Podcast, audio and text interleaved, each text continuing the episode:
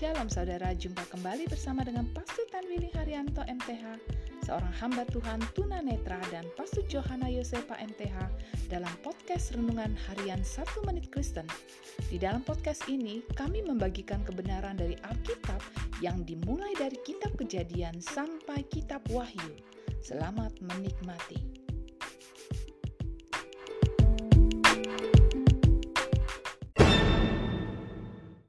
Shalom saudara berharga di mata Tuhan senang dapat jumpa dengan saudara. Hari ini firman Allah mendorong kita untuk berbuat baik kepada musuh kita.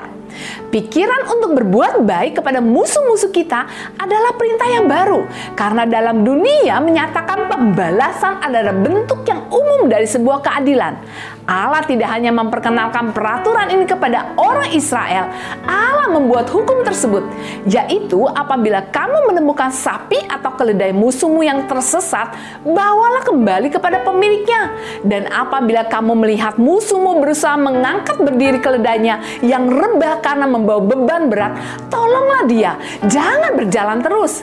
Saudaraku, ketahuilah bahwa ketika kita melakukan hukum Allah tentang keadilan dan kebaikan kepada musuh kita, kita akan menunjukkan bagaimana berbedanya kita dari dunia ini. Yesus dengan jelas mengajarkan, kasihilah musuhmu dan berdoalah bagi mereka yang menganiaya kamu. Untuk itu, tetaplah berbuat baik dan berdoalah untuk mereka. Amin.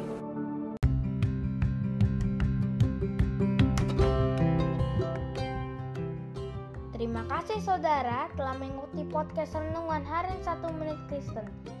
Doa kami, kiranya kebenaran yang saudara terima akan membuat saudara semakin berakar di dalam Tuhan dan bertumbuh dan berbuah lebat di dalam Tuhan. Tuhan Yesus memberkati.